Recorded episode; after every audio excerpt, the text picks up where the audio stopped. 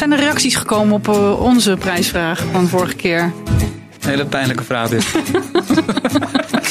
Nul. Nul. Gelukkig maar, we hoeven we niet geen recensie te doen. Mooi. Ik zou wel een nieuwe vorm van strip willen zien. Met een nieuwe stijl en nieuwe verhaalwijze. En kijken hoe je dat in de markt kan brengen. Toen bleek dat al- eh, Netflix er echt iets mee ging doen. En toen dachten we, ja, we, we, gaan, we gaan de gok wagen. Ik noem inmiddels een soort van heilig triootje gaan noemen. Eh, eh, nee, dat is heel erg lekker. Welkom bij de Stripjournaal podcast. Fijn dat je weer luistert. We zijn weer terug na een eh, korte zomerstop waar we het zo meteen nog even over moeten hebben. Maar ehm, we zijn er weer en we staan weer eh, ouderwets in een mooie studio bij BNR Nieuwsradio in Amsterdam. Dat is leuk. En ik doe dit natuurlijk niet alleen. We gaan het weer lekker een uurtje over strips hebben. Eh, maar ik doe dit eh, natuurlijk met eh Seb van der Kade, de one and only en Margreet. Ja, Emeritus stripmaker des Vaderlands zeg ik er altijd bij. En blijft mooi. Emeritus, prachtig. Ehm, en ehm, nou, we gaan het over allerlei dingen hebben vandaag. Maar we hebben eh, sowieso een gast.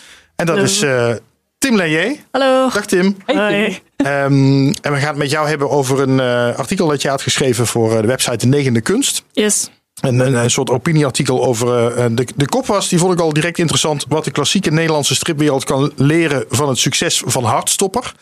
Ehm, en Hartstopper is, eh, is natuurlijk een, een, een bekende eh, strip. Een liefdesverhaal tussen twee jongens. Is ook net op Netflix eh, is dat, eh, is dat Ja. verfilmd of is een serie van gemaakt. Groot internationaal succes. Ehm, daar gaan we het zo meteen over hebben. Maar ehm Seb en Margreet. Nou ja, je, zegt, je zegt natuurlijk, maar eh, het grappige is, eh, ik had er eh, niet van gehoord tot mijn vader mij zei van, oh je moet eens op Netflix kijken naar de serie Hartstopper, Eh, want dat is heel erg mooi en gebaseerd op een strip, maar dat weet jij natuurlijk al lang.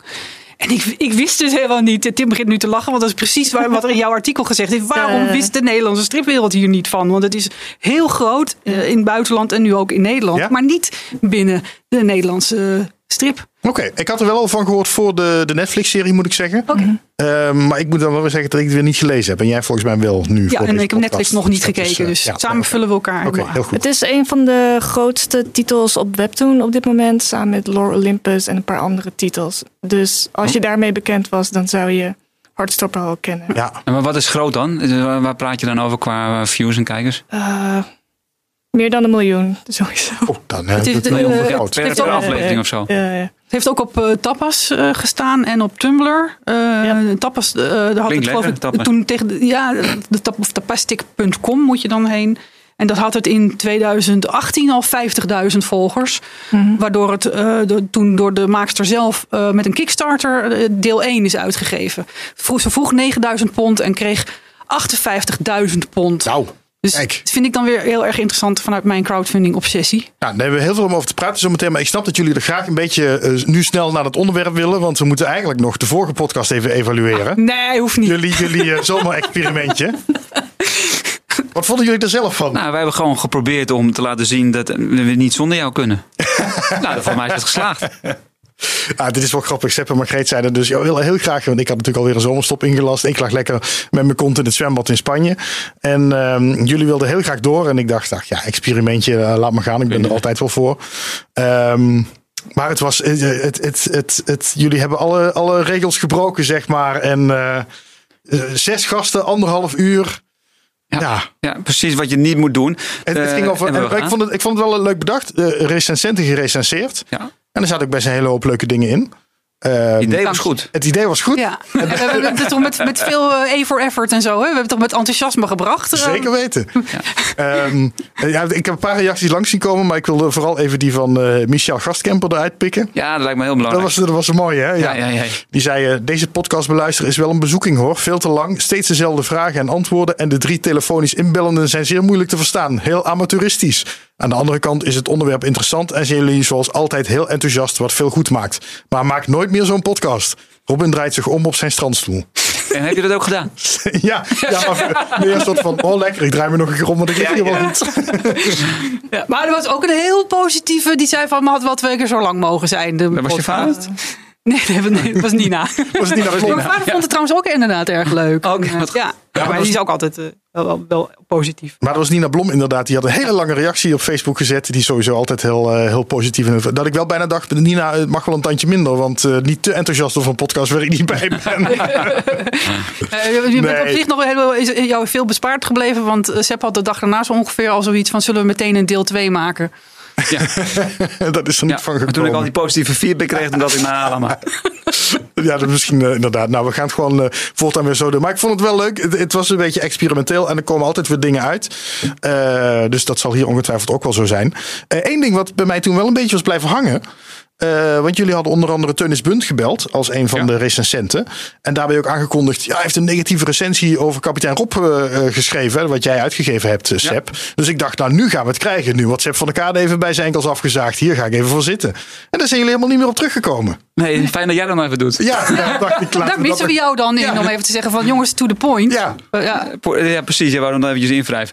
Ja, nee, maar ja, hij is een van de, een van de, de recensenten die, eh, die daar een kritisch stuk over heeft Ja, geschreven. ik En- wilde daar wel even een stukje van, eh, van eh, pakken dan, van wat hij geschreven heeft over kapitein Rob. Oh, dat ga je. Ja, nee, nee, ja. ik zou zeggen, eh, take it away, DJ. Het is natuurlijk, het is- eh, ik moet natuurlijk helemaal niet gaan shoppen in een hele recensie, want dan, dan haal je natuurlijk helemaal de, de, de nuance eruit. Maar toch, eh, erger dan de rammelende verhaallijn is de vreselijke stijl waarin het verhaal geschreven is. Vreselijke stijl waarin het verhaal geschreven is.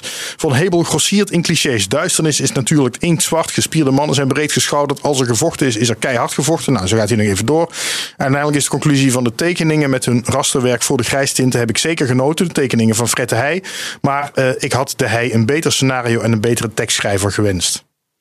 Ja. Nou, en dat is nou het mooie eh, van de recensenten. Die moet je dan ook gewoon hun plekje geven en gunnen. maar dan moet je niet altijd veel dat dat hij zelf nooit eh, de oude kapitein Robs had ge- Nee. gelezen. Dus Heeft het daar dan mee te maken misschien? Dat je, dat je het niet helemaal Nou, wel- wel- voelt waar, waar het in ingebed is. Precies. Hij heeft de, de, de context heeft hij niet.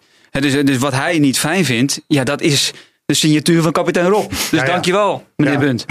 Weet je, de- de, eh, maar dat geeft hij ook eerlijk toe. Weet je, als je, maar ja, aan de andere kant, je moet wel tussen de regels doorlezen. Dat hij, kijk, Margreet heeft scherp gelezen. Dus die, die herkent dat. Die zegt, ja, oh, wat is even. Hij zegt dat hij niet bekend is met die verhalen. Ja, dat is eigenlijk al een vorm van disclaimer. Ehm, maar ook hiervan, weet je, het is, het is belangrijk dat dit soort dingen worden gedaan. En wat hij wel eh, heel goed doet, vind ik, is wel met de argumenten komen. Hij komt met voorbeelden aan, met concrete voorbeelden. Nou ja, en, en dat is dus in, in wezen een goede recensie. Dat het niet zijn smaak is. Want dat is eigenlijk een. Wat mij betreft is dit echt puur een smaakdingetje. Want we hebben ook een hele positieve recensie gehad. Dat zei ik toen ook gelijk natuurlijk erbij. in, de, in de Volkskrant. Maar er nog een stuk of vijf andere ook allemaal positief. Tot bijna vijf sterren aan toe. Maar ja, dat was dan hun smaak. Ja. Maar dan zou ik dan eigenlijk denken, ja, nu steun is er niet bij. Maar dan, dan zou ik denken, dan is het eigenlijk geen goede recensie. Jawel, want hij eh, onderbouwde het heel goed. Maar Teunis recensies zijn altijd super lang, omdat hij het op zijn blog doet. Dus hij hoeft zich niet te verhouden aan 500 woorden of zo. Dus dan pik jij, Ja, jij als, als, Ja, ja, ja, als, mediamaker alleen die sappige dingen journalist. eruit. Ja, ik weet dus het. het is allemaal heel logisch. Oké, nou, maar, maar, maar- maar- om er nog even erop in te gaan. Waarom is het dus, vind ik, wel een goede recensie? Omdat hij die, dat stukje sentiment, zoals eh, wat, wat er van kapitein Rob ook een soort signatuur is van die verhalen van kapitein Rob. Ja, dat heeft eh, Frank van Hemel, de auteur, heeft dat overgenomen. En hij heeft zoveel eh, fantastische details en verwijzingen gemaakt van oudere verhalen. Waar de echte kapitein Rob liep is van smullen. Nou ja, Teunis doet dat niet. Want Nee, die kent die oude verhalen niet. Dus hij mist heel veel goud wat in dat verhaal zit, mist hij. En ziet hij misschien dan weer als cliché. Ja, Ja. de. Ja.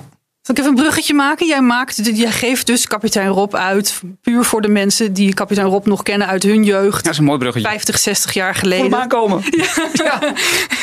Ja, eh, want in het eh, artikel van eh, Tim Ja. wordt het ook inderdaad dat aangehaald. De stripuitgever, Nederlandse stripuitgevers op dit moment focussen zich veel te veel op, op daar zit nog geld, bij- daar haal je het geld bij die oude stripliefhebbers. En er is te weinig oog voor de nieuwe makers. Eh, en daarmee eh, loop je dus uiteindelijk gewoon eh, een oplage van 40.000 uitgaven van Hardstopper in Nederland uit. Want dat is wel binnengehaald bij Best of Young Adult Books, wat een onderdeel is van Spectrum. Ja. Een mooie grote Nou ja, uitgeverij. ik, ik zou, eh, als je deze podcast aan het luisteren bent en je hebt dit artikel nog niet gelezen, ik zet even een linkje erbij op stripjournaal.com.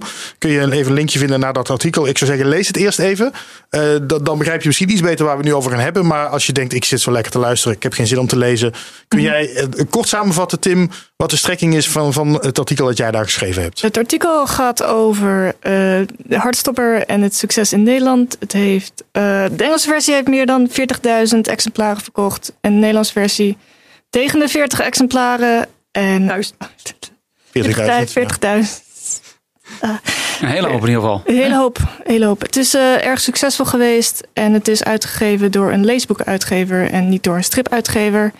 En eh, het artikel gaat verder in op eh, waarom er zo weinig voor jongeren wordt uitgegeven en hoe dat komt. En ehm, waarom dat het geval zou moeten zijn en hoe we hiermee om moeten gaan. En wat uitgevers eh, kunnen leren van eh, het mislopen van deze titel. Ja. Ja, dat, zeg je eigenlijk. Hè? De stripwereld heeft dit, heeft dit gewoon gemist. Ja, En, daar hebben ze, en dat is jammer voor de stripwereld eigenlijk. ja. Maar hoe kwam jij erbij om dit artikel te schrijven? Ben jij benaderd door de negende kunst? Of ben jij, heb jij geschreven en heb je het aangeboden aan de negende kunst? Eh, ik had op Twitter eh, een post gemaakt, een tweet geschreven.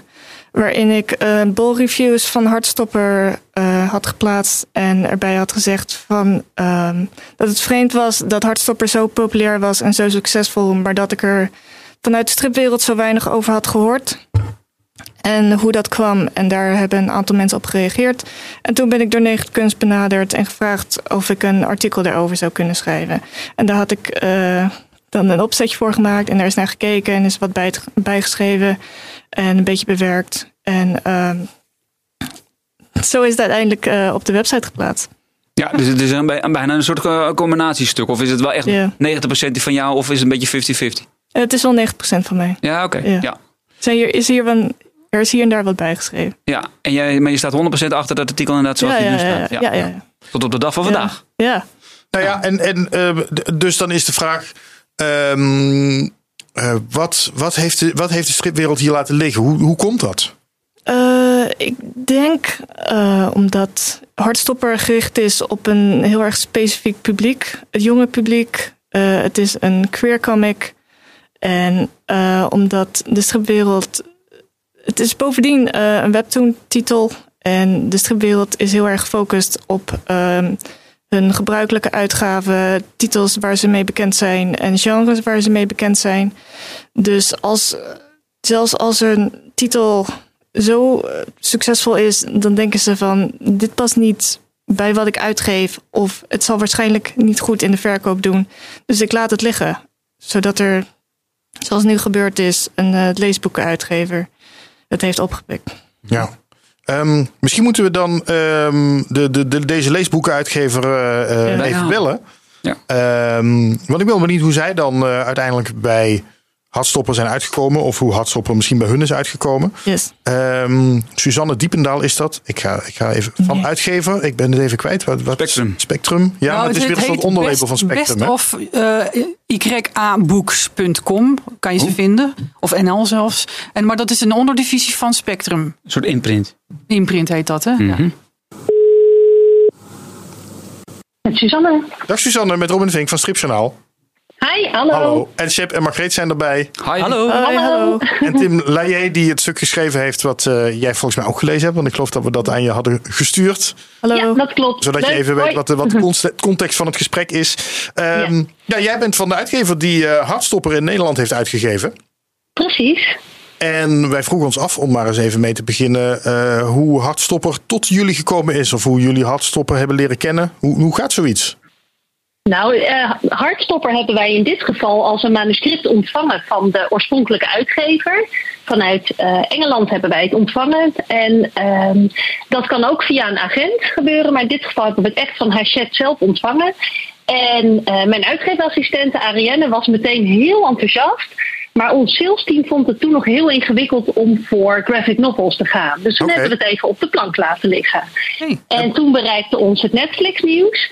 En Ah. toen zei Ariane, ik zei het toch, ik zei het toch. En toen hebben we de gok genomen en de eerste vijf delen in één keer aangekocht. En zijn we in uh, noodtempo gaan publiceren. Oh, kijk. Eh, ik heb meteen een hele hoop vragen. Hoe, waarom, Ja. waarom is dit naar jullie opgestuurd? Omdat wij een uitgeverij zijn die veel vertaald werk uitgeven. En je krijgt eh, op dagelijkse basis manuscripten. Niet alleen van Nederlandstalige auteurs en agenten, maar ook heel erg veel vanuit, eh, van contacten uit het buitenland. Via onze Amerikaanse scout, via onze Engelse scout. Dus het, het regent de hele dag manuscripten in mijn mail. Ja. De- de- en, en waarschijnlijk is dit misschien ook nog wel een andere uitgeverij gestuurd. Of is dat echt dan exclusief aan jullie aangeboden? Nee, dat is Nee. absoluut niet exclusief naar ons gestuurd. Nee. Nee. Dus dit is niet een soort bieding geweest dat jij hebt moeten opboksen tegen een, eh, nou ja, noem, noem eens een andere uitgeverij, een eh, Leopold of wat dan ook. Nee, het eh, klopt. Dat hebben we dit keer niet hoeven doen. Maar dat komt denk ik doordat het moment dat we eh, besloten ervoor te gaan, we ook in één keer eh, vijf delen aankochten. En dat is natuurlijk risicotechnisch voor de oorspronkelijke uitgeverij heel interessant. Wat Ja. ik ook wel grappig vind is dat je zegt, ons sales team vond het eigenlijk heel ingewikkeld. We hebben het op de plank laten liggen. Eh, Eigenlijk is het pas gaan vliegen toen Netflix zich aankondigde. Ja, en dan worden er natuurlijk heel veel series en eh, ehm, films worden aangekondigd van, vanuit eh, eh, fictie, vanuit boeken. En lang niet al die series en films op Netflix of op tv of in de bioscoop eh, worden vervolgens ook goed verkocht als boek. Het is meer dat wij dachten, het was al een, een, een webcomic. Het was al succesvol bij eh, Engelstalige jongeren, ook in Nederland. En dan ben je best wel bang dat je het niet meer goed gaat verkopen. En toen bleek dat al, eh, Netflix er echt iets mee ging doen. En toen dachten we, ja, we, gaan, we gaan de gok wagen. We zagen de potentie wel van het geheel, maar je moet ook de uitgaven kunnen rechtvaardigen. Maar, je, maar je was eigenlijk een beetje bang ook dat eh, de Engelstalige uitgave misschien al het gras voor een gedeelte had weggemaaid voor je. Jazeker, Ja. want eh, wij kunnen een deel van die cijfers inzien hè, in het grote platform GFK. Ja. En ehm, deel 1 tot en met 3 waren al verschenen toen wij het aankochten. En dat ging niet om 10 exemplaren verkocht eh, via GFK. En dan heb je nog de mensen die het direct bij een Engels partijtje kopen. En die zien we niet eens terug in GFK. Nee. Dus je kan denken, oh, we kunnen er misschien 5000 exemplaren van verkopen. Maar het moment dat je ziet dat er al 1500 verkocht zijn per deel, eh, weet je niet wat je werkelijk overhoudt. En ja, zeker de Nederlandse eh, jongeren lezen heel graag Engels. En Engelse boeken zijn goedkoper. Dus dat is een grote eh, eh, concurrentie voor ons. Ja, en de GFK, kan je daar iets over zeggen voor de, voor de luisteraar die niet weet wat dat is? Oh ja, dat is een heel groot cijferplatform waar heel veel branches bij aangesloten zijn. En voor boeken betekent dat dat ik verkoopcijfers in kan zien op titelniveau en op uitgeverijniveau van ware kassa-aanslagen. Dus niet eh, je Bruna om de hoek heeft er 30 besteld. Nee, je Bruna om de hoek heeft er 13 verkocht, zeg maar. Ja, ja. Ja. En wie erbij aangesloten is, kan van de aangesloten uitgeverijen die cijfers zien.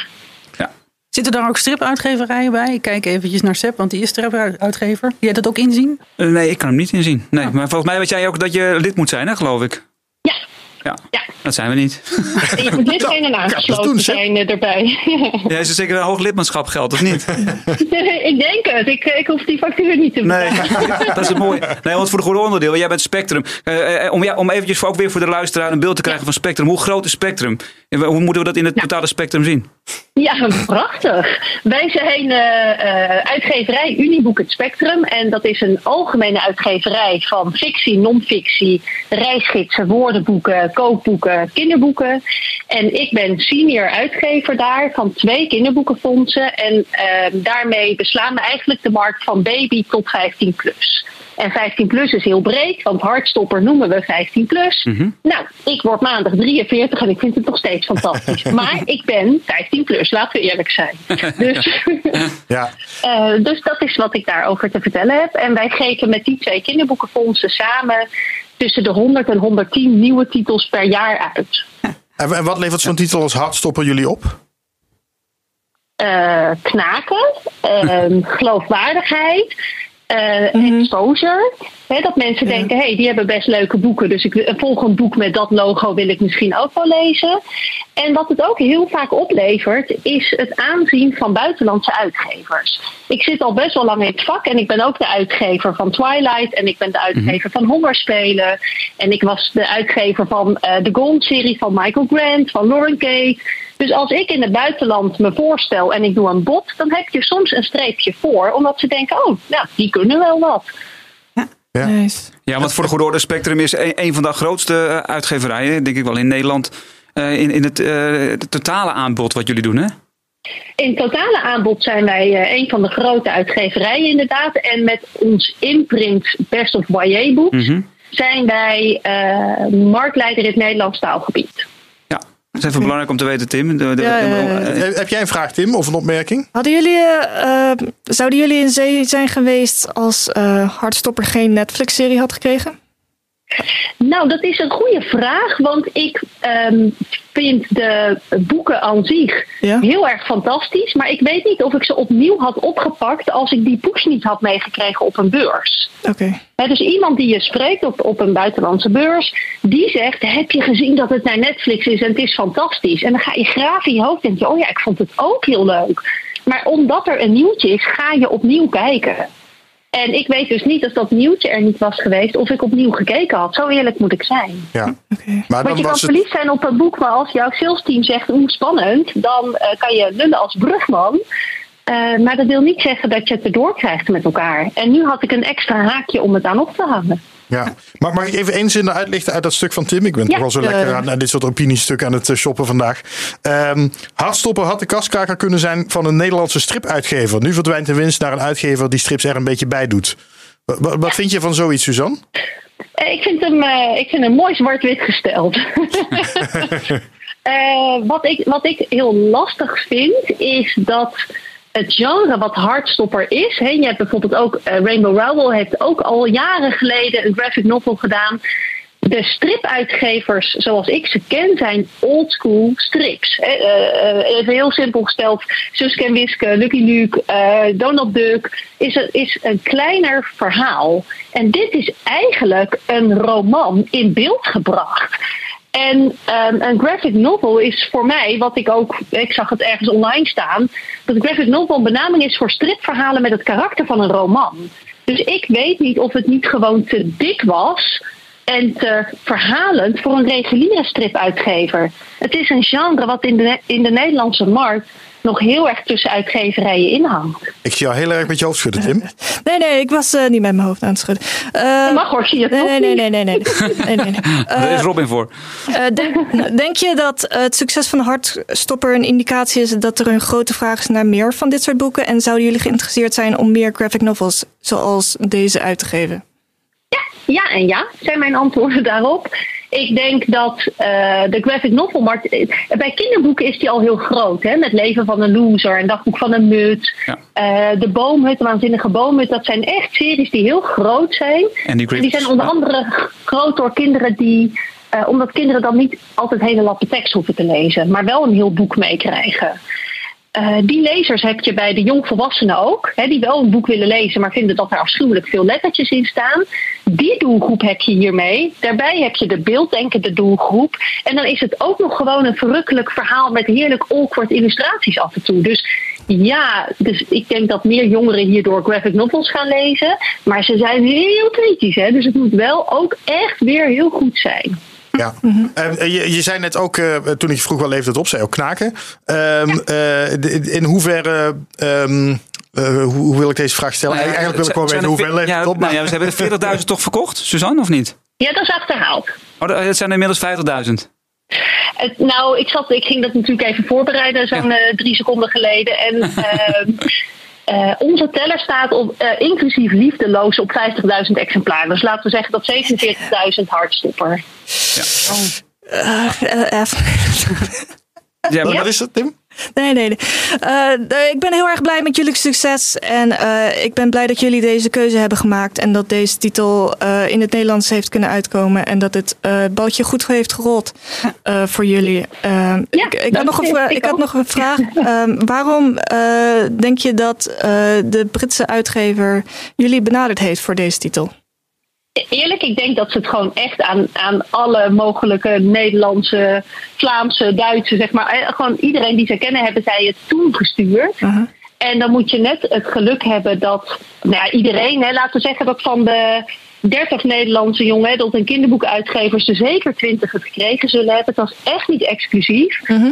Alleen het moment dat je iemand vervolgens spreekt en die vertelt jou: hé, hey, het gaat naar Netflix. En ik had dus een enthousiasteling op kantoor zitten Ja. die binnen een dag eh, een, een publicatievoorstel in elkaar knalde om sales opnieuw te overtuigen. Ja, als bij iemand anders net een redacteur het een week later had willen lezen, waren die er misschien ook voorgevallen. Ja. Ja, dus maar- ik wil heel hard roepen, dit hebben wij fantastisch gedaan. Dat hebben we ook, maar het was niet eh, onze verdienst omdat het exclusief is aangeboden. Ja. Dat vind ik wel fascinerend van dit soort dingen. Het is altijd afhankelijk van mensen. Er moet maar net even Ja, iemand zijn die er mee ja. enthousiast van wordt. Ja. En, eh, ja. Maar Ja. je zei, Suzanne, ze hebben dat dan aan al hun contacten gestuurd. Maar, eh, maar dat zijn inderdaad dan kinderboekuitgevers. Dus, Ja, dat denk ik, omdat ik, heb, ik weet heb het hem niet niet, gehad, hè, want nee. ik, krijg, ik, krijg, ik krijg die mail en dan staat er Dear Suzanne, I'm happy to send you. En Ja, in dezelfde tijd staat er een andere naam boven. Dus dan weet ik echt dat die naar iemand anders gestuurd was. Ach. Eh, ik weet natuurlijk niet precies aan wie. Maar het is, eh Hachette is een uitgeverij die Mhm. dit heeft uitgebracht als graphic novel YA. Ja. Dus zij sturen het natuurlijk aan YA-uitgevers. En dat kan ook een kinderboekenuitgever zijn die tot 12 plus gaat. Mhm. Maar het kan ook een volwassen uitgever zijn die eh, net onder de chick gaat zitten. Ja. Dus wat precies hun, hun verzendprofiel was, weet ik ook niet hoor. Ik denk dat we wel een eh, aardig beeld hebben nu. En dat wij hier in de studio nog verder kunnen gaan discussiëren over wat de stripwereld kan leren van het succes van Hardstopper. En Margreet steekt nu heel erg de ja, vinger op. ik Die nu mijn vinger op. Want we gaan het nu hebben over van... eh, nou, waarom is het de Nederlandse stripuitgevers niet gelukt? Maar ik wil even vanaf de andere kant redeneren. Ik ben stripmaker. Tim is ook stripmaker. Hoe komen wij met onze graphic novels bij het spectrum, Suzanne? Hoe kunnen we jou benaderen? Eh, nou, door gewoon eh, naar, onze, eh, naar een van onze sites te gaan. Hè. Onze kinderboekensite is bestofybooks.nl. Daar staat gewoon een manuscriptenmailadres. En je kan ook, dat doen veel brutale mensen, mij volgen op Twitter. En dan zeggen, hoi, mag ik jou wat sturen? En dan moet je net het geluk hebben. Want weet je wat het is? Jij kan iets fantastisch gemaakt hebben. En het kan net op dat moment niet in ons uitgeefprofiel passen. De- en dan kan het ook nog zijn dat wij het niet fantastisch vinden. Maar als je het Ja. niet stuurt, weet je het nooit. En als maar dat dan na een jaar opeens Netflix interesse heeft in mijn manuscript... dan kan ik wel bij jou even zeggen van... hé hey, joh, Leg hem weer eens bovenaan op je stapel, Suzanne, zeg je Ja. dan. Oké, nee, het is Ja. goed om te weten. Dankjewel. Ik- Het schijnt dat Netflix ook interesse heeft in deze podcast. Om daar een videoserie van te Wel maken. Nou, maar, maar, maar Suzanne, ik wil nog één ding vragen aan jou. Jo, want eh, Ja. ik, ik zie zo dadelijk bij wijze van spreken en Tim en Margreet helemaal weg, eh, wegvliegen op een wolkje van 40.000 exemplaren. Nu inmiddels 50.000 exemplaren. Maar eh, eh, even, ga, kijk even naar jouw gemiddelde titels. Eh, Wat doe jij dan? Is dat een 1000, 2000 stuks? Is dit, een, is dit inderdaad een uitschieter? Of zeg je nee, Dit is een al- dit is een uitschieter. Dit is echt een uitschieter. Op het moment dat ik vertaald werk aankoop, eh, wat voor type titel dan ook, heb ik altijd vanuit het Anglo-Saxisch taalgebied die concurrentie. Hè, dat maakt het best wel Ja. uitdagend en met de jaren moeilijker om eh, uit dat taalgebied te acquireren en te vertalen. Eh, dan hoop ik altijd er 2500 tot 3000 exemplaren als eerste oplage van te verkopen. Want dan heb je de meeste kosten terugverdiend. Ja, voor de goede orde, dan heb je dus nog niks verdiend dus, eigenlijk. Nou ja, dan heb je een normaal rendement op een eerste oplage. En vanaf de herdrukken, waar je wel de drukkosten hebt Ja. en niet bij de vormgeving en vertaalkosten, daar begint je winst. Ja, precies. Ja.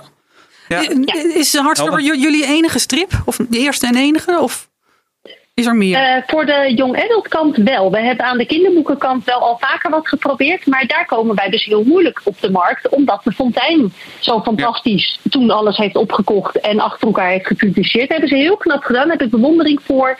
Maar wij komen daar met de one-shots niet tussen. Maar als ik nu de afzender ben van een volgende graphic novel voor YA, dan zou het heel goed kunnen dat eh, de boekhandel geneigd is daar iets meer van in te kopen. Door bewezen succes. Ja. Ik denk dat wij hier in de studio even verder gaan praten over Ja. inderdaad wat de stripwereld hiervan kan leren. Dankjewel Suzanne voor je bijdrage. Heel erg bedankt. Nou, graag gedaan en veel plezier nog. En succes met de verkoop. Yes. Hoi. Dankjewel. Doei.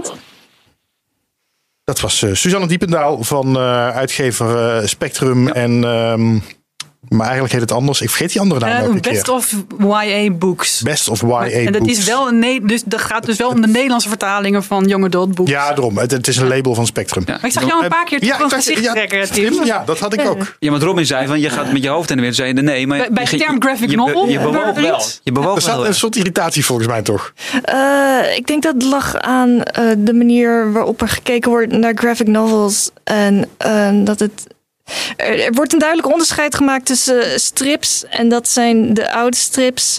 Maar wij doen romans, maar dan met beeld. En dat zijn geen strips, want strips zijn oude klassieke strips. Maar wij doen de goede vorm van strips, namelijk degene die niet stripachtig zijn, maar het zijn wel strips. En daar irriteerde ik me aan, denk ik, een beetje. Omdat Maar, dat is toch eigenlijk alleen maar een, een labeltje? Ja, Maar je ergerde je eraan dat, dat ze eh, graphic novels wel goed vindt en klassieke strips niet. Be- be- bedoel je hem zo? het is. ehm, Overigens zegt ze dat niet, hè? nee, dat zei ze niet. Nee. Ze bedoelde het ook niet zo. En zo Maar ik het is ook wat jij niet bedoelde, want ik probeerde jou Ja, even te ja, ja, begrijpen. dat snap ik. Ehm, het is dat. eh, eh, ik denk dat.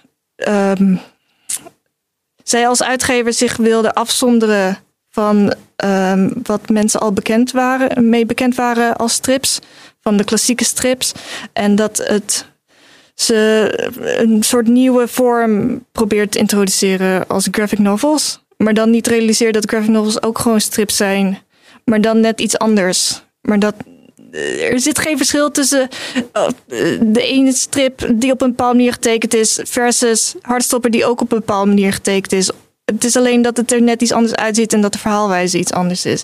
Het zijn geen romans met beelden, het zijn stripboeken.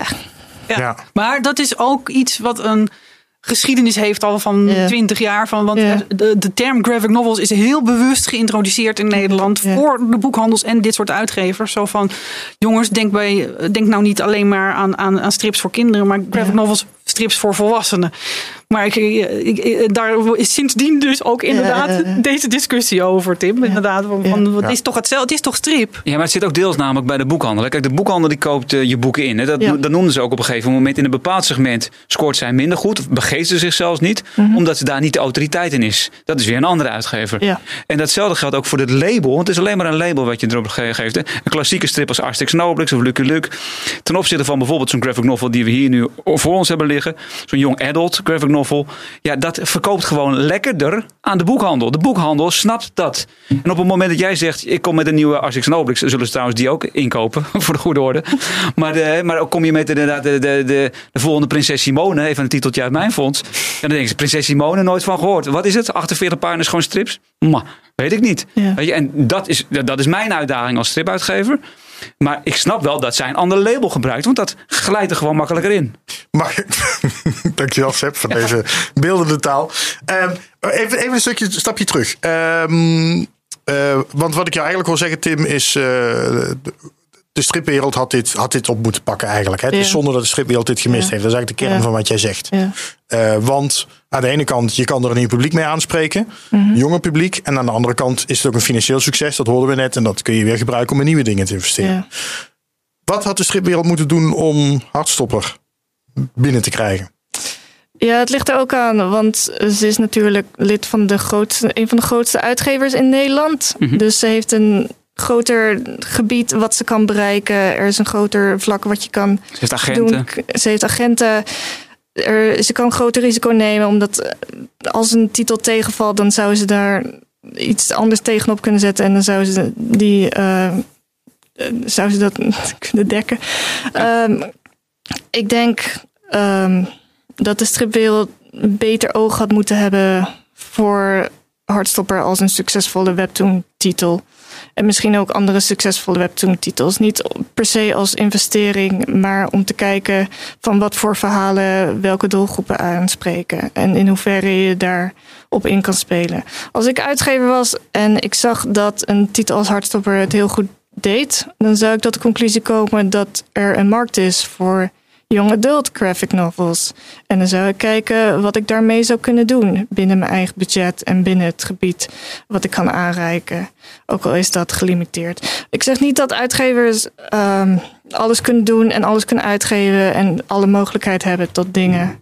Want ik ben wel bewust dat een grotere uitgever meer kan doen dan een kleine stripuitgever. Maar je kan ook kijken naar andere mogelijkheden. Of je kan zelf proberen boeken uit te geven binnen hetzelfde genre. Of je kan kijken naar hoe het verhaal van Hardstopper in elkaar zit. En kijken of je iets soortgelijks kan doen. Niet het naapen, maar in kan spelen op het doelgroep wat Hartstoppen bereikt. En kijken of daar meer vraag naar is en daarop in te spelen. Maar heb je dan, om het breder te maken, heb je het idee dat de Nederlandse stripwereld überhaupt die hele doelgroep van Hartstopper links laat liggen? Ja, ik denk ook, uh, het groot voorbeeld hiervan is uh, Exception van Coco. Die uh, een verhaal had die specifiek op deze doelgroep gericht was. Ja, van Coco Ouwerkerk. Coco Ouwerkerk. En uh, langs verschillende uitgevers ging, werd afgewezen. Daarna het online ging zetten en direct uh, een flink publiek heeft weten aan te trekken. Omdat ze een verhaal heeft weten te creëren wat specifiek op een doelgroep gericht is. Waar uh, het aanbod redelijk klein is, maar de vraag naar content heel erg hoog is. Ja. We noemen dit een gat in de markt. Dus als er een vraag is naar meer young adult stripboeken gericht op een jong publiek dan hoef je, um, dan moet je kijken wat je daarmee kan doen. En, um, maar voor de goede orde, Mark de Lobby van uitgeverij Syndicaat heeft Ja. dat geconstateerd. ja. En die heeft daar eh, binnengehaald en heeft al een heel mooi boek uitgebracht. Ja, ja, Eh, overigens er niet 40.000 stuks van verkocht, eh, Nee, weet ik uit betrouwbare bron. nee. Maar op Webtoons hartstikke goed. Maar hij krijgt die aantallen eh, Nee, bij lange na nog niet, hè? Ja. Voor de goede orde. Het is ook hoe je het in de markt brengt en of er, hoe je. Je moet ook. Het komt ook in het artikel voor eh, dat je het hebt over. Dat je het niet bij een stripwinkel kan neerleggen, omdat er veel jonge mensen niet naar een stripwinkel gaan.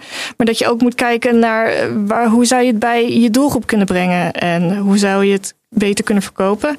Eh, Webtoon werkte goed omdat heel veel jongeren ook online dingen lezen. Ze zijn veel online bezig. En ehm, daardoor kan je eh, een groter eh, aantal mensen mee bereiken. Ja. Ja, maar Maar, dus- nou, nou ja, als, als ik hem even omdraai, is, is het dan eh, eh, is, is een klassieke uitgever die een beetje ouderwets? Is, is een webtoon, is dat niet juist de, de nieuwe weg hè, voor, voor de nieuwe jongere generatie? Is dat, is dat erg dat een uitgever eerst nee zegt en het pas oppakt als het op webtoon een, een succes is? Misschien is dat wel de manier juist om er te komen nu. Gewoon lekker laagdrempelig online zetten. Ja, maar dat is erg jammer. Eh, Waarom zou het erg jammer zijn? Het is een mooie manier om te solliciteren. Jawel, jawel, jawel. Eh, ik denk niet dat eh, het fysieke boek eh, ooit helemaal weg zal vallen. Ik denk dat als een titel eh, het goed doet online, dat mensen ervan een fysieke kopie willen hebben. En dat ze bereid zijn om geld neer te leggen, zodat ze het vast kunnen houden. En dan hebben ze het. En, ehm, maar je, zou, je hoeft het niet alleen maar op boeken te richten. Je zou ook kunnen kijken naar een digitaal platform. Wat, waar strips in het Engels verkrijgbaar zijn. Daarmee zou je ook een internationaal publiek kunnen bereiken. En ehm, dan, als een titel succesvol is, zou je het ook in boekvorm kunnen uitgeven. Ja. Maar die platforms zijn er al. Je hebt Ja, eh, ja. Webtoons, je hebt Tapas. Mhm. Want we hadden het met Coco daar ook over. En die zei ook zoiets van... Eigenlijk zo iemand die investering moeten durven doen...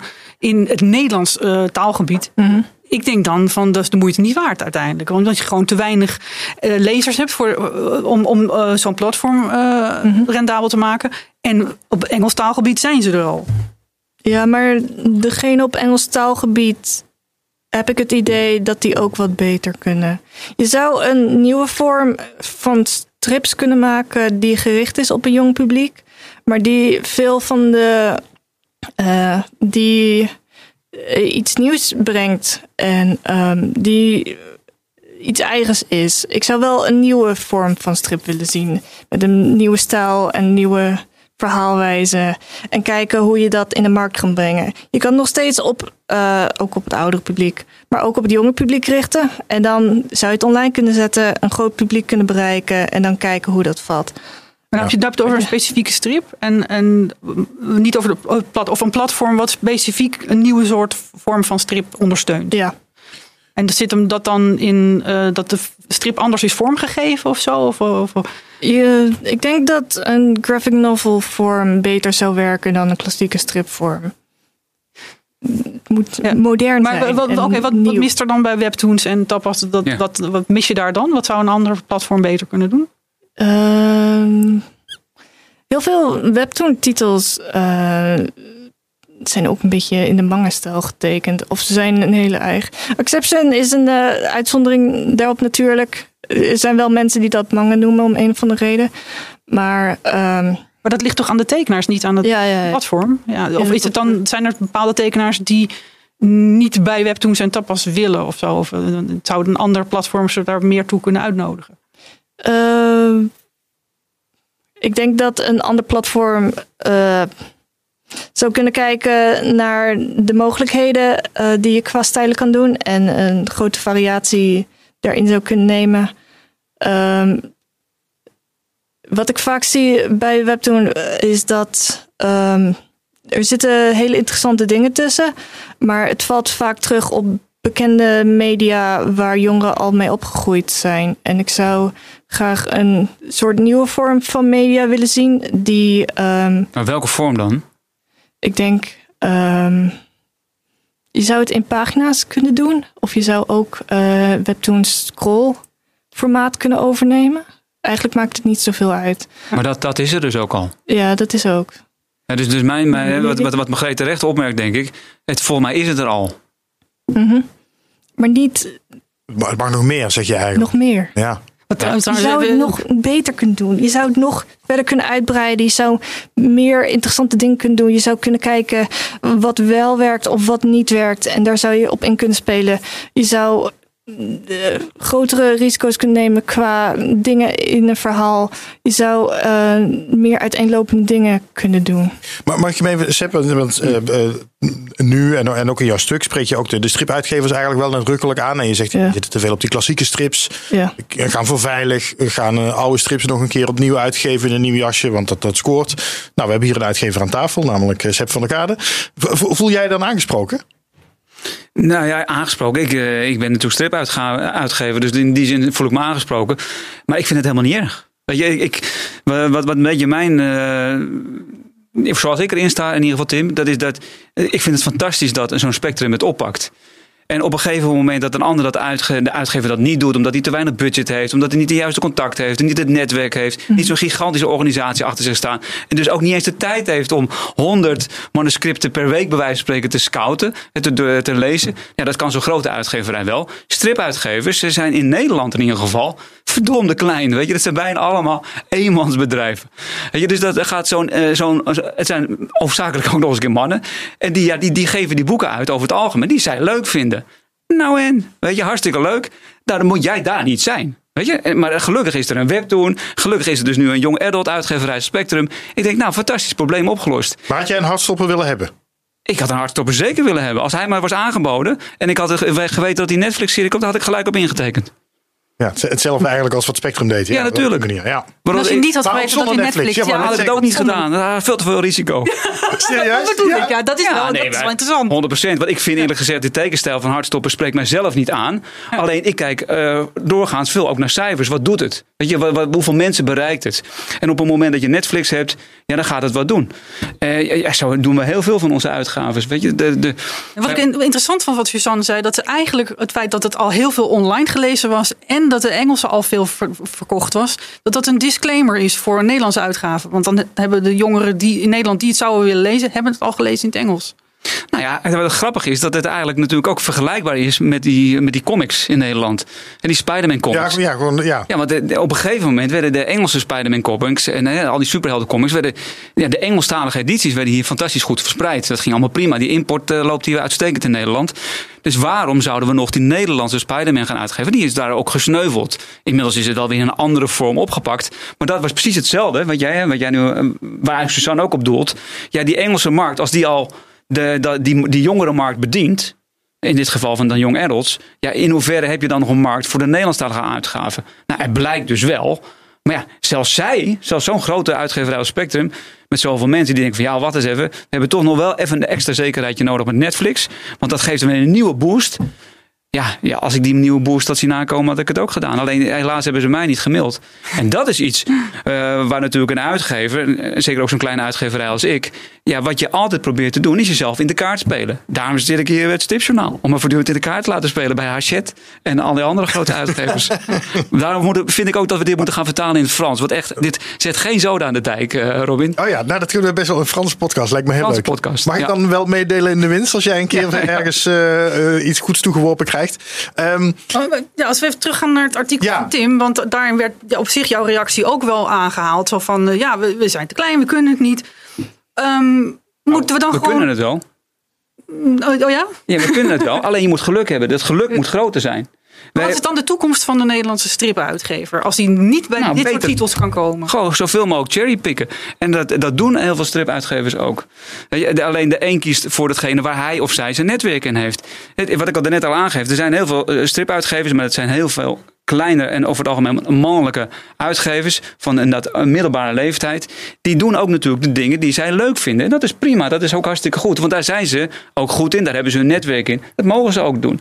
Maar er zijn ook al diverse uitgevers. Ik noemde net Mark Lobby. En dat is ook helemaal niet de allerjongste. Maar die ziet wel degelijk potentie. En denkt, hey, dit speelt nu op dit moment in de markt. Die komt op een of andere manier toch in aanraking met Coco Ouwerkerk. Als Coco bij mij was geweest, die heeft het niet naar mij toegestuurd. Maar dan had ik ook zoiets gedacht van, nou, dat zit wel wat in. Want je houdt natuurlijk wel de, de markt in de gaten. Ja. Nou ja, en, en misschien is de les ook wel eh, nu dat je als uitgever dat het goed is om, om webtoons misschien wat meer Ja, nou, dat vind ik hartstikke leuk. Nou ja, nou, dat is ook een van de redenen dat ik hier zit, eh, Robin. Dat ik er af en toe nog eens een keer eh, goede ideeën krijg. Door onder andere Tim. Want inderdaad, die webtoons. Dat is een verdomd interessant scoutingkanaal voor, eh, voor kleine uitgevertjes zoals ik. Om te kijken, nou, wat doet het? Nou, en, en je zegt nog gek. iets anders. Nou, da- daarna mag jij Margreet. Margreet steekt weer de vinger op. Eh, eh, je zegt ook, ja, je- zegt ook, nee, maar je zegt ook, de, stripuitgevers zijn vaak mannen, de- Ja. nou, vaak ook wel wat ouder, 40, 50 plus. Je geeft ook uit wat je zelf leuk vindt, wat je aanspreekt. Hè. Dit, dit Vind ik ook dat je dat Hartstopper voor een groot deel moet doen, Meteen, ja. Maar moet je dan niet meer mensen zoals Tim, hè, zeg maar, nou, ik weet niet hoe oud je bent, maar schat je een jaar of twintig of zo. Ja, dat is goedgekeurd. Ehm in ieder geval echt de jonge generatie ook in je uitgeverij trekken die eh, een, iets als hardstoppen misschien eerder herkennen dan jij. Nou ja, wij, wij, wij trekken hele jonge mensen in onze uitgeverij. We hebben een, we hebben een, we hebben een hoofdredactie van een stripblad van 8 en 12. Ja, oké. Hoe jong wil je ze hebben, Robin? Maar eh, nee, maar zonder gekheid, dat doen wij wel. Wij gaan een boek uitgeven met Nina Blom over een maatschappelijk thema als Münchhausen bij proxy. Daar hebben we uitvoerig aandacht aan besteed. Dankjewel daarvoor, eh, Robin. Maar dat is met René Rinties, ook een hele jonge, eh, talentvolle tekenares. Dat heeft een maatschappelijk bewogen thema. Heeft niks te maken met Luke Luke of Asterix en Obelix. En wij zijn zo gelukkig daarmee dat wij dat mogen uitgeven. En dat komt dan toevallig wel in mijn netwerk. En die zie ik en die pak ik. Ja. Dus het is geen onwil.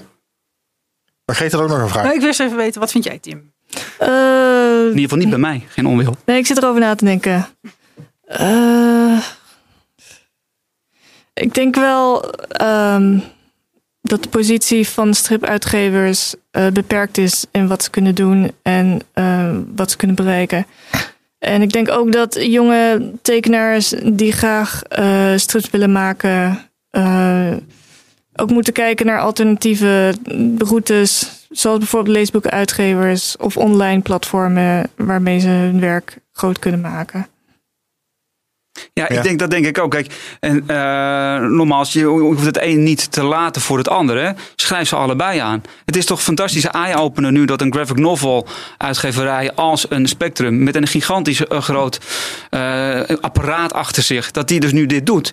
Ja, ik, ik daarom nogmaals, ik vind jouw artikel vooral heel erg, ben ik dankbaar voor jouw artikel. Vanwege het, het, het, het mooie, eh, de kans die jij duidelijk maakt van jongens, er zijn uitgevers waar je misschien nu niet aan hebt gedacht, waar je ook je manuscript heen kan sturen. Daarom vraagt Margreet natuurlijk ook expliciet aan Suzanne, kunnen wij ook wel een manuscript opsturen? Ja, dat kan dus.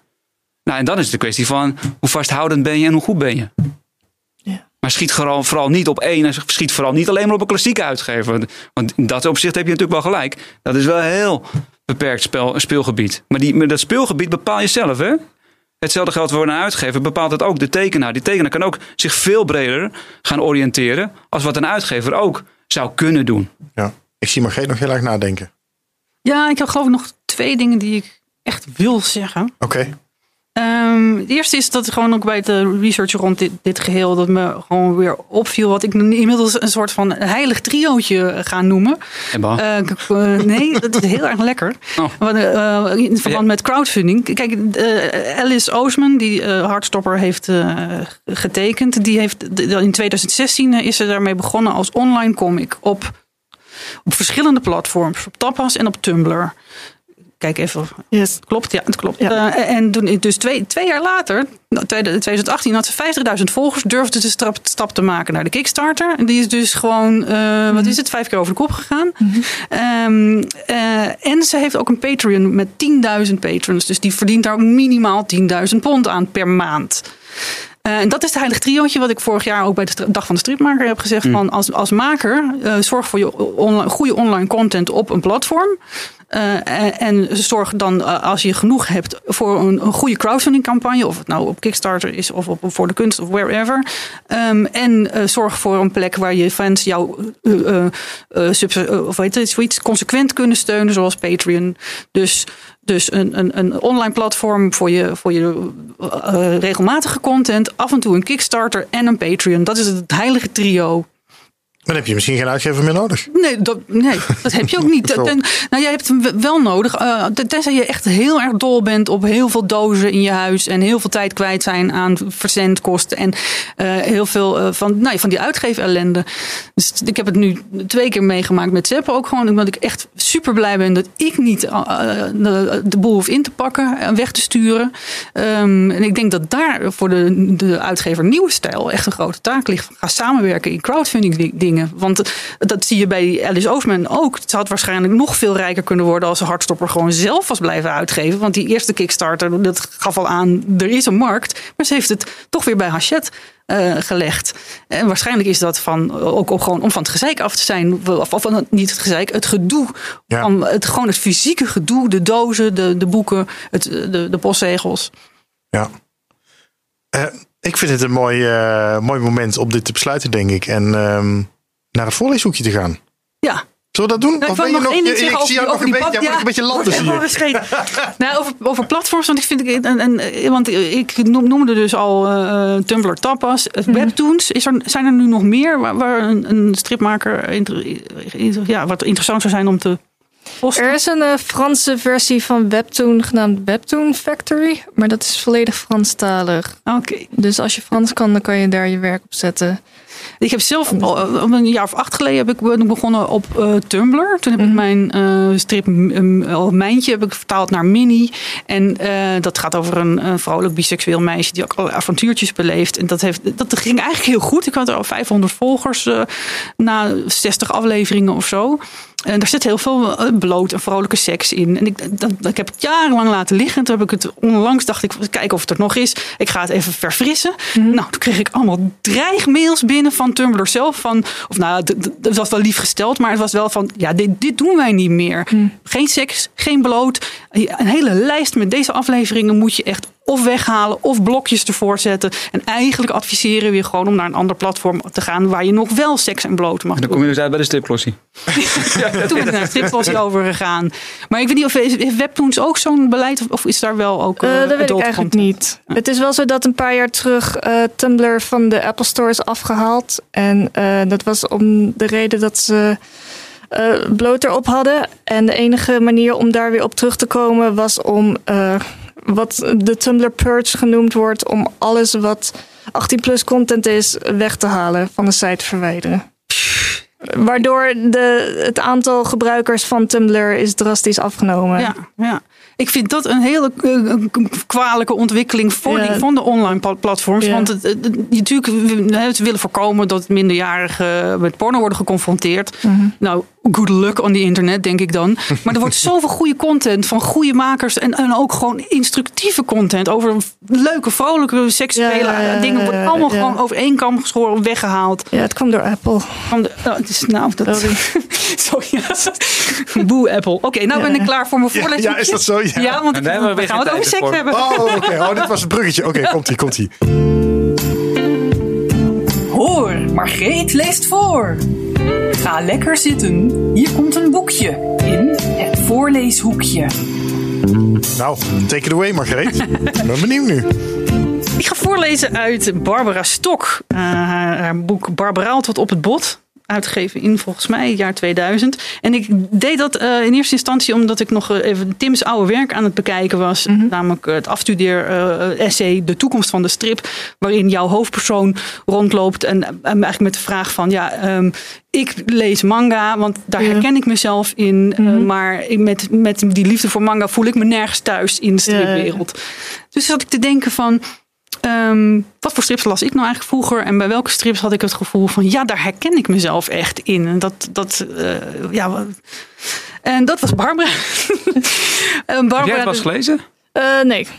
Ik heb wel Barbara Stok gelezen, maar niet dat specifieke boek. Nee. Nee, dit was haar eerste uitgave bij Neigen van Ditmar. Ook toen was dat geen stripuitgever trouwens, dus ook wel interessant. Zo was Ehm, overigens benaderd, hè? ja, en volgens mij was dat omdat zij, er waren toen nog geen online platforms, maar ze stond in het Groninger Dagblad. Ja, zo zie je maar En daar had ik er ook eh, uitgeknipt en op de wc geplakt. En vond dat zo leuk. Ehm, en nu is eh, er eh, een verzamelboek uit van al haar eh, autobiografische werk. De Dikke Stok. Maar daar is, daar is wel in ge, ge- geëdit. En wat ik nu ga voorlezen staat niet in de Dikke Stok. Oh, Oké, oké. Het heet Een nachtje slechte seks. die is gewoon helemaal eruit gehaald, deze hele scène. Deze hele scène komt niet voor in de, de, de dikke stok. Dus je moet echt nu luisteren of je oren dicht doen. Anders dan mis je het. Wil je vaginaal of clitoraal klaarkomen? Vraagt een hoofd van een jongen op het eerste plaatje. Het tweede plaatje is een hele mooie grafische weergave van eh, eh, orale seks. Mag je zelf een plaatje bij invullen. Of pak gewoon natuurlijk je eigen barbaraal eh, even bij de hand. Dan kan je het zien. En verder zal ik er niet doorheen praten. Ik ga nu alleen de, de Pagina tekst 10. voor. Pagina 10, ja. Oh god, waar ben ik nou beland? Dat is toch niet, hoe heet die ook weer? Shit, ik had niet zoveel moeten drinken. Jezus, wat ben ik dronken. Hoe ben ik hier terecht gekomen? Nou, eh, wat nou? Hoe wil je klaarkomen? Vaginaal of liever clitoraal? Jezus, weet ik veel. Ik heb nog nooit een orgasme gehad. Dus laat staan dat ik weet hoe ik zoiets het liefst krijg. Ehm, maakt niet uit. Doe maar wat van allebei. Clitoraal, dat is natuurlijk iets met de clitoris. Maar wat bedoelt, wat bedoelt hij met vaginaal? Shit, ik ben zo opgewonden als een ijzeren deurkruk. Ik wou die ophield met dat gefriemel, dan kon ik gaan slapen. Als ik nou eens net doe of ik klaar kom. Ah, oh, ah. Eh, zou je ook zachter kunnen doen, anders worden mijn huisgenoten wakker. Oh, sorry, natuurlijk. Shit, hij vast door dat mijn geheim nep was. Ik schaam me dood. Maar eh, we zouden ook kunnen gaan eh, neuken. Gemeenschap hebben, zeg maar, of zo. Dan kan hij zijn kwakkie kwijt. En dan kan, kunnen we tenminste gaan slapen. Je bedoelt neuken, maar je zei net nog dat je dat zonder condoom niet wil. Heb ik dat gezegd met mijn dronken kop? Eh, oh ja, dat is ook zo. Ehm, en je hebt dus geen condooms in huis? Nee. Of wil je soms dat ik mijn hele kamer nog een keer ondersteboven haal? De volgende ochtend. Wat een waardeloze nacht was dit zeg. Laat ik er snel tussenuit knijpen voordat hij wakker wordt. Het is natuurlijk wel leuk dat ik eindelijk weer eens iemand aan de haak heb geslagen. Maar ik had toch wel iets kieskeuriger kunnen zijn. En ik wou dat ik wat minder dronken was geweest. Dan had ik er misschien ook een beetje lol aan beleefd. Ik hoop dat hij me belt. Maar hoorde ik jou daar bij de aankondiging net zeggen dat je dit zo herkenbaar vond? Ja, Nou ja, hier, bij deze. Goed. Heb je ook al verteld over je button op je jas? Dat was het weer. Oh ja. Tot de volgende keer bij het voorleeshoekje van Margreet de Heer. Wat is met die button dan? Ja, dat mag Margreet vertellen. Staat er op je button? dat staat er op mijn button. Heel retro, hè, buttons. Ja? Ik heb helemaal geen button op Oh. mijn jas. Wat eil je nou? Ja, de andere kant Kan van ik hier. niet vinden. Ja. Sex workers do it better. Ja, dat is vanwege mijn nieuwe stripfiguur. Oh, Ja, dat moet je lezen in stripgeloof. Oh, ik dacht even eens vanwege mijn nieuwe bijbaan. Met die bijbaan. zo wat een aangegeven dit. Het levert niks meer op. Ja, nee, ik heb eh, mijn meintje in de stripglossie en die heeft een nieuwe vriendin, eh, Zina, en die is sekswerker. Allemaal lezen, jongens, die stripglossie. Ik bedenk mij net dat ik natuurlijk eigenlijk ehm, eh, de laatste keren altijd het voorleeshoekje ging filmen. Voor de, voor de, voor de, ja, voor de heb mensen je, op... heb je dit nou opgenomen? Want dit er draait wel een camera mee. draait wel elkaar. Maar kijk, Margreet zit heel slecht in beeld. Ja, Eh, dat, zakt heel erg. eh Margreet zit, nou ja, nu zien we het niet. Dan moet Margreet wat zeggen. Dan gaat de camera op Margreet. Hallo, hallo, hallo. Oh ja, maar dan nog zit ik maar half. Ja, daarom. Goed. Nou, tot zover. Ehm, ik kan er wel iets leuks op verzinnen hoor. Misschien moeten we hem gewoon... eh, Met plaatje. We gaan gewoon een plaatje erbij zetten. Op, eh, voor de, de, de liefhebbers op ehm, eh, petjeaf.com. Het is veranderd. Eerst was petje.af, maar nu is petjeaf.com. Slash stripjournaal. is Ja, ik heb het niet veranderd. Ehm, kun je, kun je de, de, eh, deze podcast ondersteunen? We hadden het net over Patreon en dat soort dingen. Dat is voor die, die, die strips allemaal heel leuk. Maar deze, deze podcast eh, moet ook kunnen leven. Dus daarvoor mag je naar eh, Petje Af. En je krijgt allemaal leuke dingen voor terug. Dus dat komt helemaal goed. Moeten we het nog hebben over de stripdagen in Rijswijk? ben je daar geweest? Nee. Oh, ik ook niet. Nee. nee. We moeten even hebben over de stripdagen of de stripfestival Tina voor volgende week. Ja, die is er bijna. Ja, Oh, kom allemaal naar het, eh, Ja. het Tina Stripfestival op eh, 17 en 18 sep- september in Duinrel. Want Met heel veel striptekenaars. Jan Vriends, eh, Gerard Lever, Margrethe Heer met een nieuwe uitgave. eh Robin Marloes de. Vries, Robin Dame. eh wie hebben we nog meer? Dorrit de Graaf. Ja. Ja. Nou, hebben we nog wat? Nou, bij deze. Ehm, dan kan ik dat afrekenen bij Tina? Komt, Nou ja, er komt een eh, tikje binnen, zie ik. Ik wou net zeggen, er komt gelijk iets binnen in de mail. Eh, ik, had, ik had nog één, eh, één nieuwtje wat ik even wilde doornemen. Waar ik wel benieuwd naar was wat jij daarvan eh vindt, Sepp, als uitgever. Of een beetje kan achtergrond kan geven hoe dat nou zit. Want ik zag langskomen ineens iedereen in rep en roer. Dat Van Ditmar stopt, stopt met de stripdistributie. Ja. Per 1 januari 2023, volgend jaar dus. Ehm, ze doen dat al twintig jaar voor allerlei uitgeverijen in Nederland en Vlaanderen. Ehm, en, en ik vroeg mij af, eh, ik, ik merk dat ik niet zo goed weet, wat, wat doen zij dan? Want eh, ja, er is blijkbaar, gebeurt er iets tussen, de uitgever geeft het uit en het komt in de winkel terecht. Maar Ja. voor mij is dat een soort black box. Nou ja, je hebt een aantal partijen. Kijk, je, de productieproces is heel simpel. Hè? Je hebt inderdaad je hebt de makers, hè, zoals Tim en Margreet. En vervolgens dan heb je als het goed is een uitgever. Die gaat het dan uitgeven, produceren bij een drukker. Nou, dan heb je een boek. En dan vervolgens moet hij de winkels in. Nou, op het moment dat je als uitgever al die winkels apart moet gaan beleveren, dat is niet te doen. Los van het feit dat eh, boekhandels willen niet zaken doen met al die verschillende uitgevers. Dus dan krijg je distributie. Dus dan heb je distributie, dan heb je het Centraal Boekhuis. Centraal Boekhuis is heel groot, in Culemborg. Die distribueren in principe alle boeken. Onder andere deze fantastische hardstopper zal dus, zullen ze ongetwijfeld ook eh, distribueren. Dus, dus dat is op het moment dat jij een boek uitgeeft en jij laat het drukken. Ja, dan breng je het dozen komen allemaal, allemaal naar jou. En Ja, jij, eerst- jij ja. brengt het naar, eh, vervolgens naar het Centraal Boekhuis. Ja, als je een beetje handig bent, laat je het gelijk van de drukker naar het Centraal Boekhuis brengen. Eh, en dan een kleine handvoorraad brengen dan naar je eigen uitgeverij. Want anders ziet het er net zo chaotisch uit als bij mij op de uitgeverij. Vol met dozen. maar je, je gaat het dan allemaal naar het Centraal Boekhuis laten brengen. En zij doen helemaal niks. Alleen jij moet dan vervolgens als uitgever, dit is weer de taak van een uitgever, ga je eh, promotie maken richting de boekwinkel. En zeg je, jongens, we hebben nu prachtig boek liggen bij het Centraal Boekhuis, nu bestellen. Nou, dan heb je kans dat de boekwinkel zegt: Oké, prima, dat vind ik een goed boek. Want er komt een Netflix-serie aan, dus laat ik het team bestellen. En dan zien ze ook precies wat hun korting is. En dan krijgen ze het geleverd via een enorme grote vrachtauto. één keer per week, want dan hebben ze aansluiting. Dus dat is allemaal geregeld en betrouwbaar. En want je hebt dan ook niet te maken met uitgevers die niet betalen. Want het CB staat daar dan weer voor garant. Dus dat is een hele betrouwbare grote partner. Die eigenlijk een soort monopoliepositie bezit in Nederland. Maar dan heb je nog de niche-markt van strips. En de niche-markt van strips die heeft gedacht van ja, maar het Centraal Boekhuis, dat is een prijskaartje die heel veel uitgevers, vooral die hele kleine stripuitgevertjes met die oude mannen, ja, die gaan dat niet betalen. Want dat kunnen ze niet betalen, zo'n Centraal Boekhuis. Tenminste, een aantal niet. Dus dan hebben ze een oplossing bedacht. Dat heette vroeger het raadsel. Ken jij ook nog wel, Margreet, uit de goede oude tijd. Goeie oude tijd. En dat is later overgenomen, doorgezet door Ron Poland, strips in voorraad.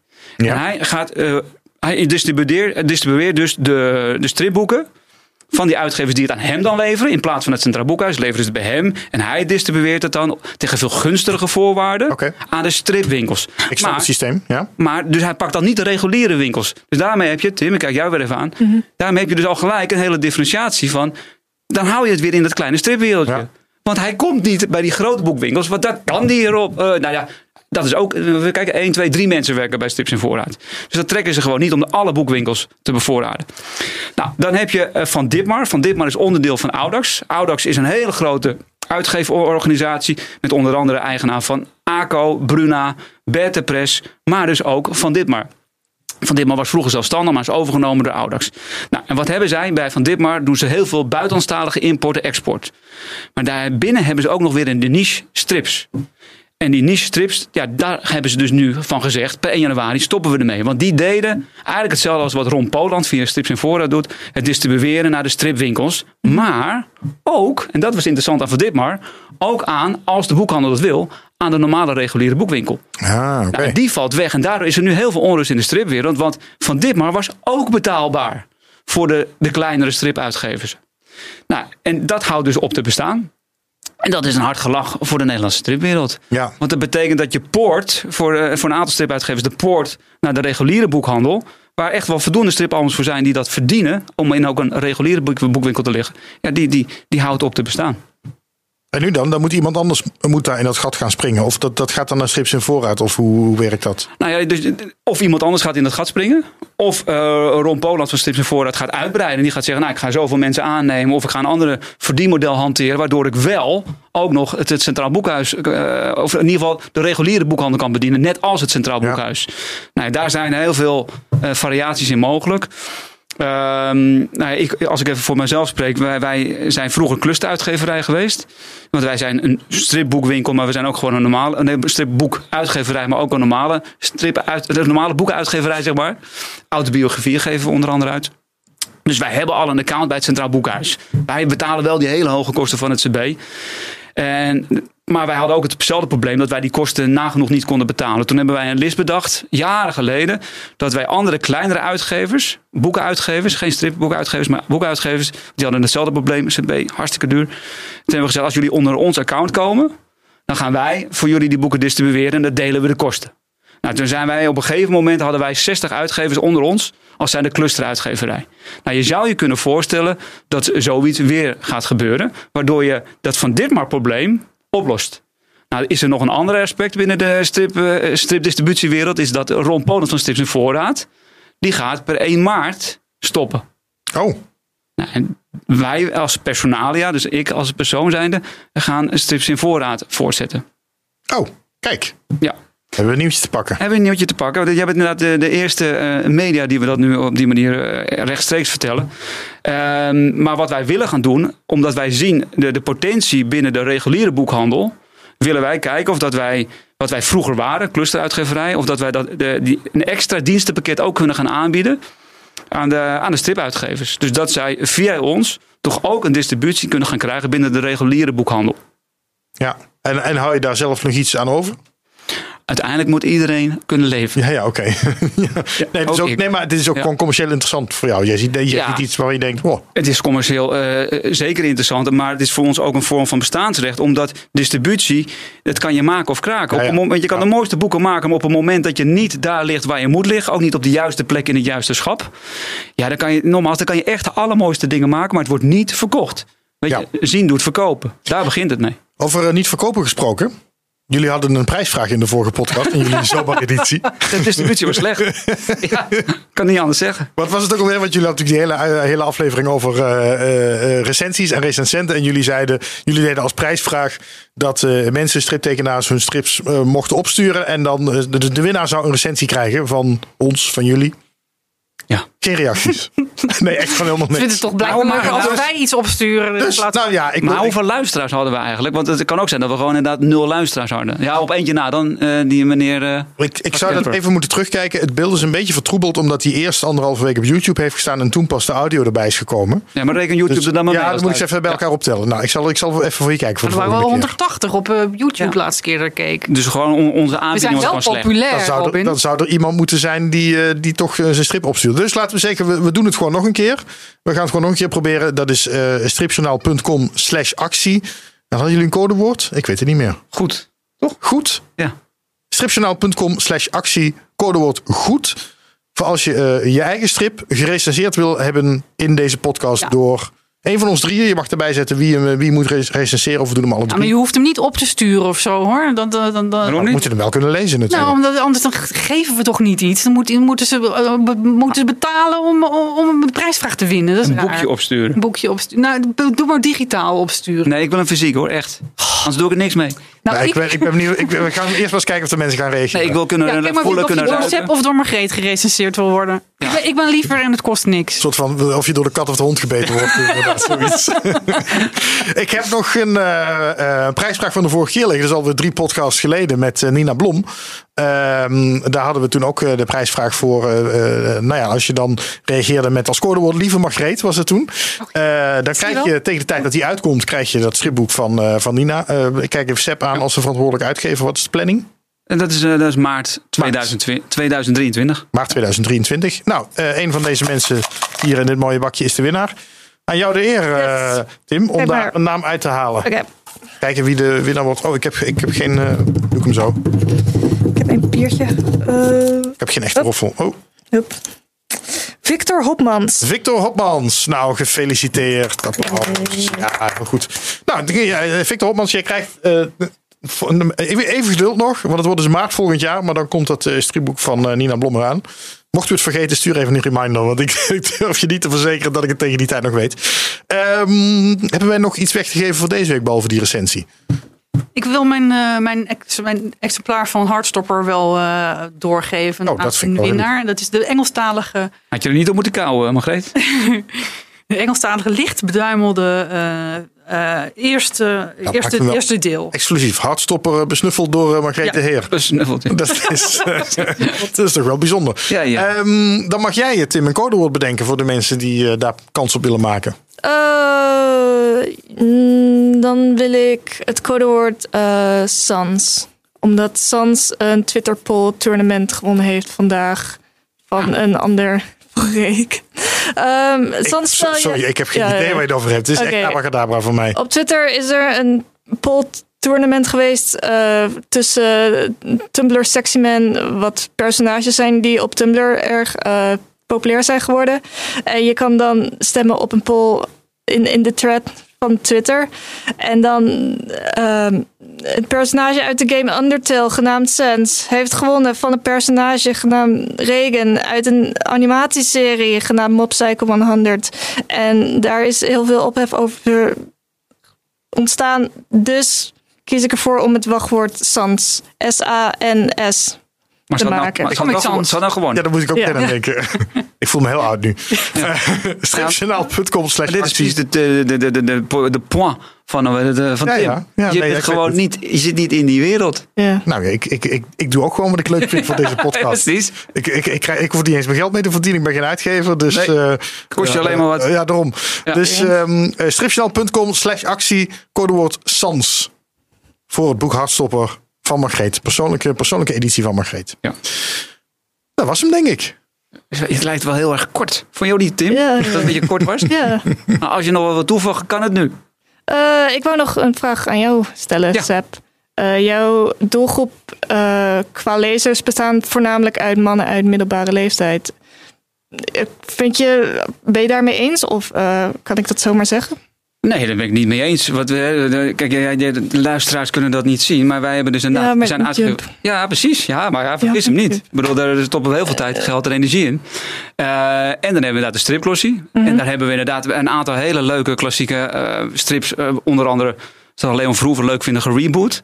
Zoals De Generaal. We doen weer wat met Spaghetti. Dat zijn allemaal hele oude klassiekers. Maar tegelijkertijd, en ja, dat is dus het voorbeeld eh, wat ik er net al eigenlijk al aangaf. Zo'n Nina Blom met een René Rinties. Dat is een, eh, dat is een hele andere doelgroep dan die oude mannen doelgroep. eh, jij Welke doelgroep is dat?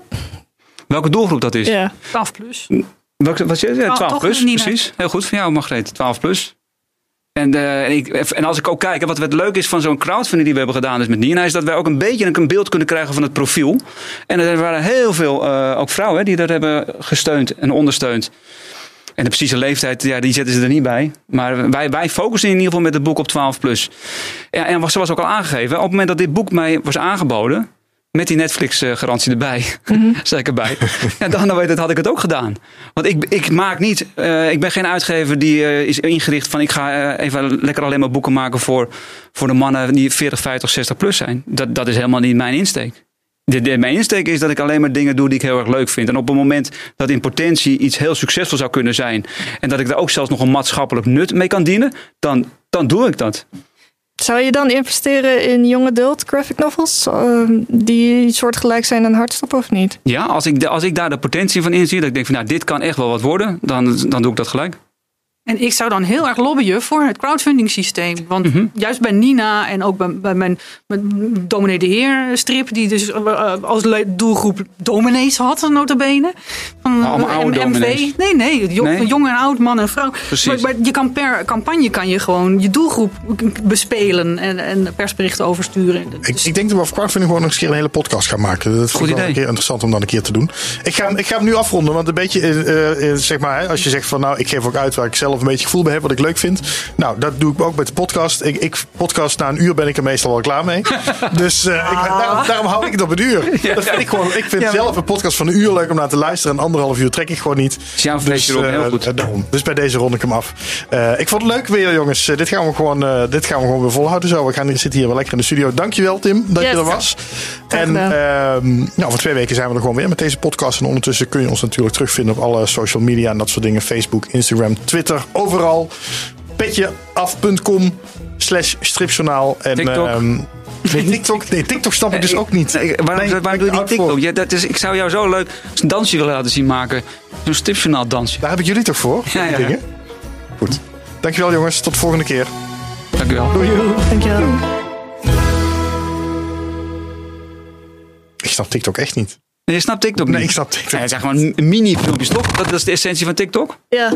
Heb jij wel eens iets gedaan met TikTok, Tim? Eh, niet echt. Oh, daar hoef ik me ook niet om te schamen. Oh, Ik zou het eigenlijk wel moeten doen. ja toch? Vind ik wel.